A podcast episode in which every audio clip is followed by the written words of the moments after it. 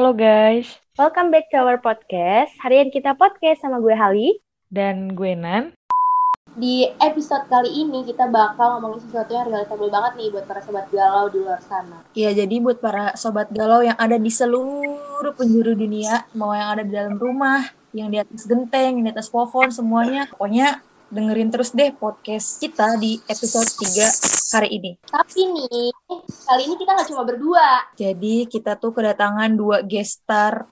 Ini tuh terkenal banget sih sebenarnya di kalangan kita-kita. Ya, siapa lagi kalau bukan Xiao dan Bibun. Halo, halo guys. Our podcast. Ya. Ya, Oke, Oke.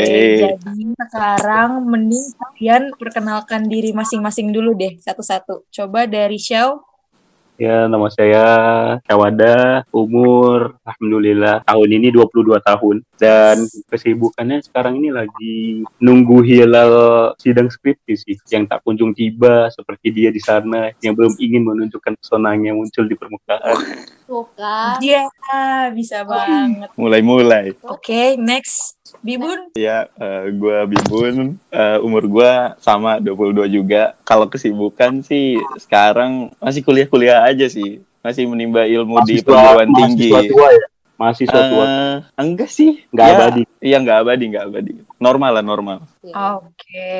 Pokoknya eh, mereka berdua ini punya pengalaman lah di top yang bakal kita omongin di episode kali ini. Jadi di episode 3 kali ini kita bakal bahas tema tentang friend zone. Friendzone. Waduh, berat ya. Berat banget gak sih bahasannya tuh kayak mengena banget. By the way, eh, kalian percaya nggak sih kalau misalnya cowok sama cewek itu bisa bersahabatan apa perasaan yang berbeda? Hmm, mungkin ya lebih berpengalaman ya ke Bips dulu mungkin ke Bibun. Lah, Boleh? oh, oh gua dulu nih jadinya nih. Em, gimana ya? Sebenarnya gua pernah nanya ini juga sih kayak bukan nanya sih kayak tahu jawaban ini dari orang-orang gitu. Kan orang-orang juga banyak pengalamannya. Kalau dari orang lain eh, mereka percaya kalau cowok sama cewek sahabatan itu pasti ada rasa gitu. Tapi kalau gua sih eh nggak nggak selamanya kayak gitu sih. Tapi kebanyakan, kebanyakan ada, pasti ada aja rasanya gitu. Entah dari cowoknya atau entah dari ceweknya. Jadi- Kebanyakan kayak gitu. Jadi lo percaya kalau misalnya sahabatan cewek cowok tuh pasti ada sesuatu. Iya, iya gue percaya. Oke. Kalau menurut saya sih ya benar sih. Eh, jadi friendzone itu kan biasanya memang kebanyakan yang ada di yang kita ketahui itu akan tumbuh rasa rasa dari hati gitu ya. Jadi kalau dia seorang cowok sama cewek sahabatan itu memang kebanyakan biasanya ada bumbu-bumbu cinta, tapi tidak tidak men- apa tidak memungkiri juga ada juga yang memang benar-benar sahabatan. Karena teman saya juga ada yang eh, benar-benar sahabatan cowok sama cewek. Gitu sih. Oh gitu.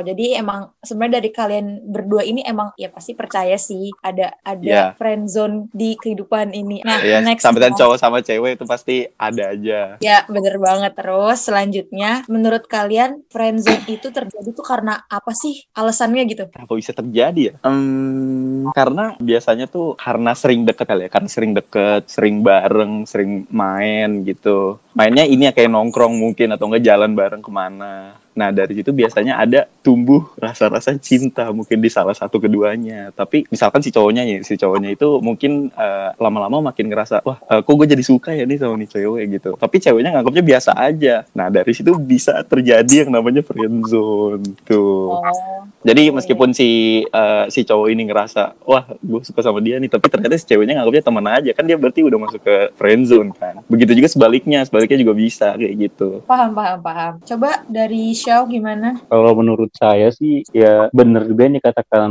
Bibun. Jadi seorang laki-laki dan perempuan jika dia bersahabat biasanya dia tuh kan intens untuk chattingan sih. Dan biasanya juga satu sama lain saling bercerita tentang pengalaman cintanya masing-masing. Nah ataupun tentang sekeseharian lagi ngapain mungkin bisa aja seorang sahabat nanya eh lu lagi di mana gitu kan. Ayo ngobrol yuk ngobrol-ngobrol teleponan. Nah, Nah, jadi mungkin ya itu tadi yang seperti dikatakan Bibun dari hal-hal tersebut sering chatan, ngobrol, terus jadi ngerasa lebih dekat gitu ya. Mungkin salah satunya jadi kena bumbu-bumbu cinta kali ya. Jadi mungkin tumbuh rasa cinta itu, perasaan suka sama sahabatnya gitu. Gitu. Jadi kalau menurut lo uh, friendzone bisa simbol kalau ada perhatian-perhatian yang datang terus-menerus gitu ya. Iya.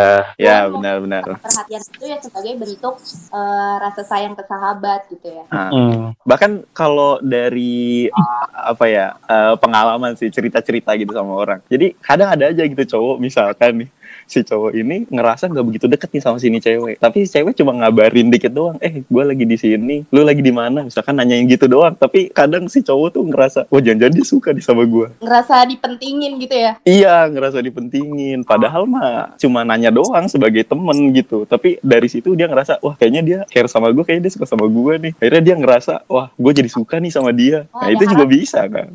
Cerita orang apa pengalaman pribadi kak? Ya pengalaman pribadinya nggak sih? itu kalau Udah. itu sih dari temen sih. Kalau itu yang begini begini nih biasanya sih curahan hati sih biasanya. ada lah pokoknya dari teman dekat gue juga. Aduh. terus terus. Nah, terus gue mau kalian jujur nih. Kalian ada pengalaman friendzone gak sih sebenarnya? Masa sih kalian gak pernah ngalamin Pasti, friendzone? pasti ada lah, dikit-dikit juga. Pernah nggak ya? Pernah sih harusnya. Kalau misalnya pernah, coba bolehlah sharing sama kita. Coba duluan nih. Bibun aja dulu kak Bibun. Oh, gue dulu. Sebenarnya sih gimana ya? Kalau kalau gue sendiri sih nggak nganggap itu friendzone sih. Karena sebenarnya kalau dari mata lelaki biasanya emang kalau kita ngelihat cewek pasti dari fisiknya dulu nggak sih? Jujur, Saw, lu juga gitu kan, Saw? Ah iya iya. Untuk first impressionnya gitu. Jadi terkadang kan temen gue ada juga yang di kampus, entah di temen gue di mana gitu. Gue ngeliat, oh ini nih cak nih orang nih. Terus eh, ya gue cuma kagum aja gitu cakupan dia. Tapi kalau kalau misalkan untuk ke jenjang yang lebih lanjut, gue mikir-mikir lagi tingkah laku dia nyambung gak sama tingkah laku gue gitu. Sikap dia nyambung gak, akhlak dia gimana gitu. Jadi Ini kalau kan so, Iya, kalau misalkan maksudnya friendzone kayaknya enggak sih. Jadi gua nganggapnya oh gua kagum sama dia nih. Gue sekedar kagum aja nggak nyampe suka. Terus dia nganggapnya temen kayak gitu. Kalau Kasyau gimana? kalau saya sih jujur ya pernah. Jadi kita chattingan intens. Tapi kita itu nganggapnya kita itu sahabatan. Lalu ya saya sih nggak munafik ya. Jadi ya, ceritanya saya suka sama dia, tapi masih malu untuk menyatakan. Gitu. Takut ternyata dia hanya tetap menganggap sebagai sahabat. Jadi ya kita tetap sahabatan sampai sekarang jadinya. Tapi perasaannya begitu sih perasaan sudah sudah menghilang sih sudah mulai menghilang karena mungkin ada kehadiran orang lain mungkin Waduh. itu sih Hmm. Oke, nih gue mau nanya lagi nih guys ya. Menurut kalian perasaan yang seperti itu tuh bakal bertahan lama atau enggak? Ini sebenarnya relate sih sama yang jawabannya Xiao tadi. ya cukup bertahan agak lama sih sebenarnya tapi kan karena kita memang awalnya niatnya mungkin bersahabat jadi langsung kayak me- memupuk niat untuk menjadikan eh, hubungan yang serius mungkin sih Ah, I see. Terus nih, nih gue penasaran nih, kalau dari kalian berdua ini sebenarnya tim yang gagal move on atau yang bisa cepet move on? Eh, kak Bibun dulu kali ya Gimana bilangnya? Gue bingung deh. Utarakan aja gitu loh. eh biasanya sih ya kalau kalau cowok biasanya awalnya biasa aja ya. Awalnya biasa aja tapi pas di akhir-akhir tuh baru mulai merasa oh iya baru mulai kerasa gitu kehilangan seseorangnya gitu. Tapi tapi nih gue penasaran kenapa kayak gitu? Kayak telat cinta datang terlambat nggak sih jatuhnya? Ya enggak? Ta- Tapi kayaknya tergantung ininya sih, ke- tergantung situasi juga. Jadi kalau misalnya eh, seandainya emang cowoknya mungkin rasa cintanya lagi kurang kali ya, dan lagi kurang, akhirnya dia ngerasa ngelepas nih. Kan kayak gitu kan pengen bebas ya. Biasanya si cowok ini kayak lagi pengen bebas aja gitu, kayak lagi nggak mau digangguin sama cewek lain. Nah di situ biasanya putusnya itu ya santai aja. Tapi pas ketika udah beberapa minggu, beberapa bulan baru nyadar gitu. Oh iya, gue butuh seseorang nih yang nge-support gue gitu. mungkin bahasanya gini kali ya karena si orang ini mungkin dia terlambat untuk pekanya mungkin Ya mungkin bisa gitu. Oke. Tapi tergantung masa juga nggak sih?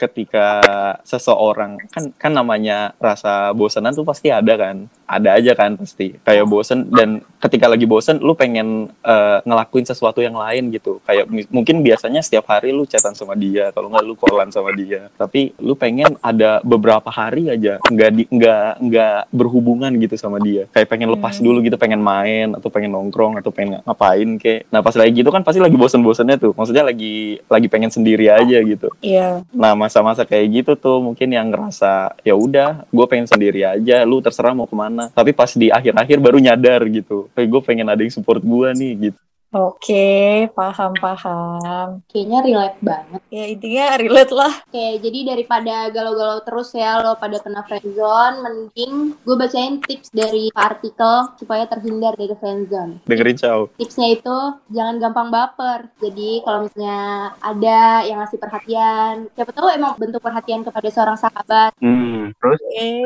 Tips yang kedua, jangan terlalu baik. Kalau yang tadi jangan gampang baper, ini jangan terlalu baik. Ngasih perhatian sewajarnya aja sebagai seorang sahabat. Karena kalau misalnya kadang kan ada ya orang yang ngasih perhatian, tujuannya dia perhatian sebagai seorang sahabat, tapi kelakuannya itu kadang tidak seperti seorang sahabat, lebih kepada seorang pasangan. Itu kan ngasih harapan tuh. PHP dong kayak gitu tuh. Heeh. Iya benar banget Hmm. PHP. jangan jangan jadi orang yang PHP dah itu aja. benar-benar Ingat aja kalau lo itu cuma temen sama dia. Jadi jangan gampang baper. Terus ingat kalau perhatian dia itu ya cuma perhatian sahabat Hmm. Hmm. gitu. Terus yang terakhir, luangin waktu sama teman. Jadi eh, jangan berduaan aja. Kalau bisa sih eh, lu main juga sama yang lain supaya itu tadi menghindari perasaan-perasaan yang tidak diharapkan. Oh. Oke, tipsnya Gitu, banget. Ya, sepertinya relate ya, Bibun ya. Bisa diterapkan Jadi ya. Lo lo lo. ini lo. juga sih. Sebenarnya tuh jadi Apa gimana gimana? Tadi kan tipsnya katanya jangan terlalu baik, jangan gampang baper. Gitu sih diinget, jangan gampang baper. Kalau misalkan dia ngechat yang kira-kira bikin baper, jangan langsung baper karena bisa aja dia ngechat ke banyak orang begitu kan. Oh, Ada ini kayaknya ini sepertinya berdasarkan data empiris seseorang sih. Berarti kita ini ya, kita harus jahat ya berarti. Nggak jahat dong. Gimana jahat, coba? Kalau perhatian tuh sewajarnya aja. Hmm. Iya. Ya, Jangan ngasih perhatian ke semua cewek, semua cewek dikasih perhatian, giliran ada yang ada yang uh, kan. kepancing, malah pergi gitu Iya, loh. cowok tuh kenapa mayoritas kayak gitu ya? Kalau misalkan emang kayak mau niat temenan, pure temenan gitu ya, lu jangan gitulah. Ya gimana ya? Ya kita juga sebagai cowok juga harus bisa memposisikan diri lah. Ingat kita punya seorang ibu, janganlah kita menyakiti wanita gitu loh. Kita tuh lahir Wih. dari seorang uh, dari rahim seorang wanita. Jadi inti kita harus menghormati wanita. Jangan misalkan kita sosok apa ya? Kemarin kan ada yang rame tuh ngeghosting ghosting segala macem. Terus ada juga yang ngebaper-baperin cewek gitu-gitu ya. Jangan jangan sampai dia udah terpancing terus eh, kitanya malah pergi gitu loh. Jadi harus Nah, mikir-mikir itu dulu sih kalau ngebaperin cewek sih gitu. Nah, Nah, Jangan, jangan ngasih treat lebih deh gitu kalau misalkan emang lu nggak mau gitu. Nah, sebenarnya gue juga pengen bilang sih tadi kalau kalian nggak mau diperlakukan dengan buruk sama orang, ya kalian juga harus jangan kayak gitulah ke orang ke orang-orang di sekitar kalian gitu loh. Iya. Karena kan ya karma pasti berlaku dong mau baik atau buruk juga gitu. ya itu kayak gua memanusiakan manusia. Nah, iya benar. Hmm. Iya, jadi ya ya lu mikir lah. Pikir dong dua kali kalau mau baperin anak orang tuh gimana gitu loh. Iya, lu nggak mikirin apa perasaan dia. Lu nggak mikirin dia kalau tidur mikirin lu gitu. Curhat. Ayo, Next, next. Oke, tips keluar dari friendzone nih. Jadi ini berdasarkan dari sumber yang gue baca. Ini tuh kayak tips manjur keluar dari friendzone sih. Yang pertama tuh ada coba deh batasin diri kalian. Kayak sebisa mungkin ya udah lu sahabatan sahabatan aja. Jangan kayak ada yang ngebaperin banget, terus ada yang ngerepi. Jadi tuh kayak aduh nggak balance sih sebenarnya. Terus yang kedua ada coba deh buat perlahan menjauh dari dia. Tapi sebenarnya kalau menurut gue bukan bukan menjauh yang gimana-gimana ya, lebih tepatnya ya intinya kasih batasan juga sama kayak poin satu tadi kayak gitu. Intinya tuh gitu. Memberi batasan lah ya. Yes. Benar. By the way nih ya ngomongin friendzone pasti bakalan nyambung ke yang namanya pembahasan cinta dalam diam atau love in silence. Ini sebenarnya mirip sama friendzone sih, cuma kalau misalnya love in silence ini bisa ke siapa aja, kayak misalnya teman kamu lo, sekolah. Nah kalian nih ada pernah nggak ngalamin love in silence, tapi di luar lingkup friendzone ya? Oh, berarti mungkin gini ya. Misalkan kita ngelihat cewek nih di suatu tempat, terus kita ngelihat dari raut wajahnya nih seperti kriteria yang kita inginkan, terus kita jadi suka sama dia itu berarti masuk love in silent dong. Tapi nggak sekedar kayak ya Iya, jadi jadi bisa juga setelah itu eh, misalkan kita ngelihat apa ngelihat cewek di suatu tempat makan gitu misalnya. Terus anjir, gua jadi suka nih sama dia nih. Dia cakep kayaknya tipe gua banget. Terus dia jadi mencari-cari tahu si cewek itu namanya siapa, nomornya di mana. Itu termasuk gak? Mungkin belum masuk ranah yang Hmm. love in silent banget sih. Karena Masih baru kurang. baru kagum gitu loh.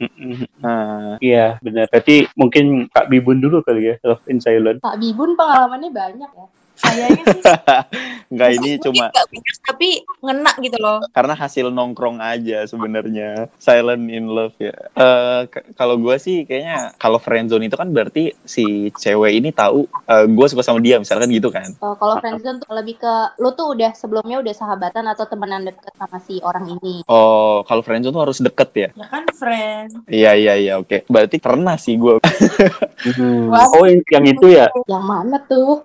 Mana? Gak paling kayak nggak jauh-jauh sih kayak teman gue juga gitu kayak teman gue tapi gue nggak deket sama dia kayak kayak cuma ya udah suka aja udah Oh, wow. gitu doang kan Ya, Eh, sepertinya ranahnya pada tahu lah ya ke mana ya. ke mana emang sih Yang mana sih? banyak. Lah, emang emang lu tahu nggak tahu lah Hmm, gitu. Cuks tahu. Ah, Ya. gitu. Coba lu, Sao, gimana Sao? Silent in love itu ya bener ada. Lu pernah ngalamin nggak? Ya, gue pernah lah ke orang eh, mulai ada sedikit dekatan ternyata setelah kita cari tahu ternyata dia punya orang lain terus ya ya udah jadi biasa aja lagi gitu yang kayak gitu kan ya Bisa sih. capek sih love in silent Gue penasaran nih, kan katanya love in silent itu kan capek. Hmm. Dan menurut kalian, mending dipendem sampai perasaannya hilang sendiri atau kayak mending confess nggak sih biar rasa penasaran kalian juga hilang gitu. Yang penting lega. Kalau gua sih dulu mungkin gua nggak nggak seberani sekarang kali ya. Kalau dulu gua mending ya udah diem aja. Tapi kalau sekarang gua mikirnya ya ya gua mah gua ungkapin aja gitu. Kalau sekarang ya. hmm. Lebih- Hmm. Gitu. Gak pernah mengungkapkan Kak Bibun Eh, Nggak nggak kan kan itu kan kalau seandainya sekarang ya gua gua lebih lebih prefer ke mengungkapkan aja biar lega. Karena kalau diem terus nggak bakal ada yang berubah. Benar tidak? Nggak bakal ada yang berubah kalau kita nggak beraksi. Lebih baik dicoba ya. Iya, tapi jangan coba-coba. kalau saya sih karena mungkin agak sedikit pemalu ya agak sedikit overthinking juga mungkin. Jadi kayaknya saya lebih memilih diam sampai ada kode-kode dari si calon pasangannya ini mungkin ya. Iya bener sih. Itu eh, gimana ya? Sebenarnya kita kalau pengen ngungkapin juga kita harus mikir-mikir sih. Ini orang kira-kira bener tertarik sama kita nggak sih? Kalau misalkan lebih mengarah ke nggak tertarik mending nggak usah gitu daripada lu capek-capek lu yang mengungkapkan lu yang malu sendiri gitu Yes, ya ya ya. Oke, gue mau nanya nih, sebagai cewek gue mau bertanya kepada kalian para cowok. Kalau misalnya ada cewek yang suka sama kalian, terus mereka tiba-tiba kayak confess gitu, menurut kalian kayak gimana responnya? Eh, mungkin saya dulu kali ya. jadi kalau saya sih misalkan ada nih cewek tiba-tiba suka sama kita ya kan bisa terlihat dari cara ngomong dari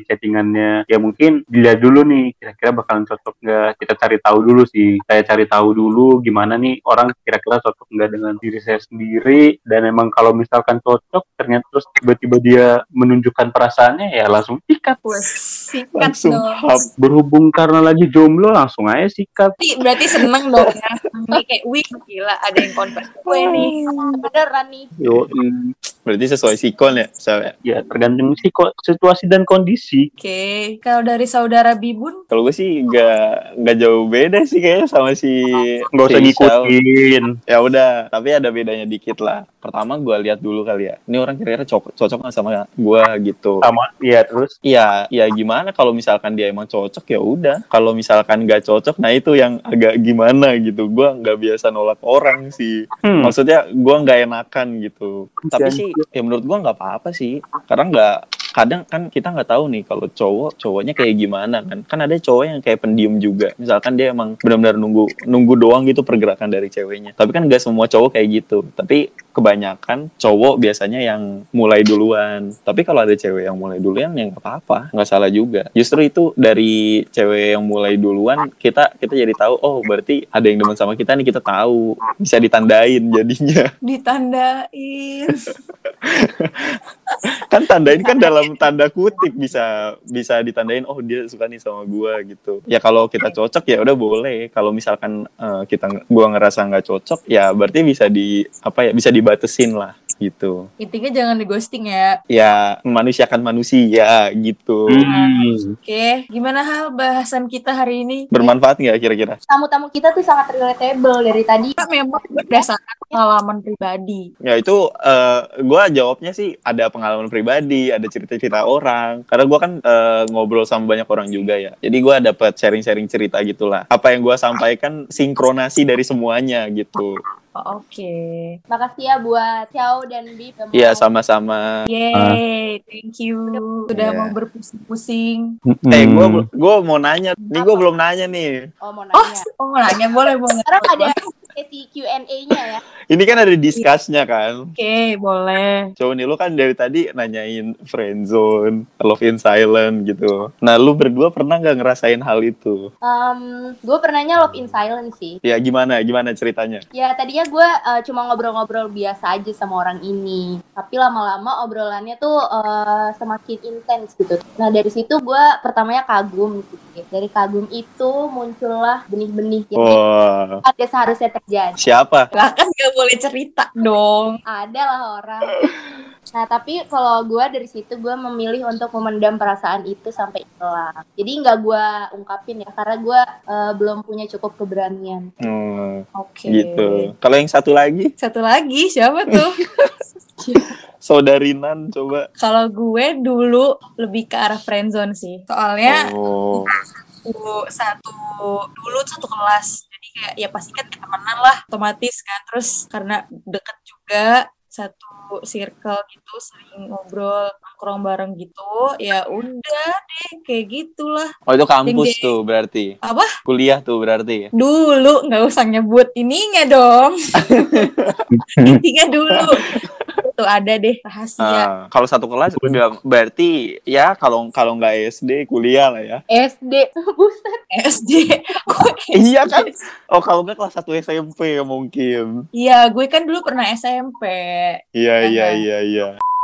Oke Oke. guys, semoga bahasan kita kali ini bermanfaat. Jangan lupa dengerin terus harian kita podcast dan tunggu ya episode selanjutnya. See you guys. Bye. Bye.